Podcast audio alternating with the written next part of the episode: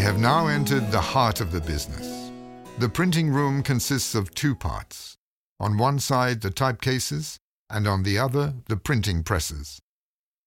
The typesetters take the lead letters from the type case in the right order and assemble them into a complete line.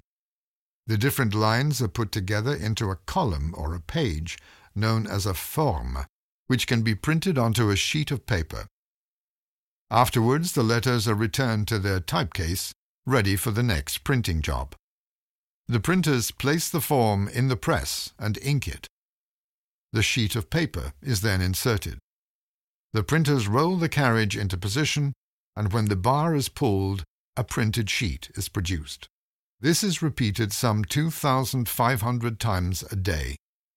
Right under the statue of Mary, you can see the two oldest surviving printing presses in the world. They are more than 400 years old. In other words, it is quite possible that Plantin himself saw them at work. In any case, they have led a very eventful life.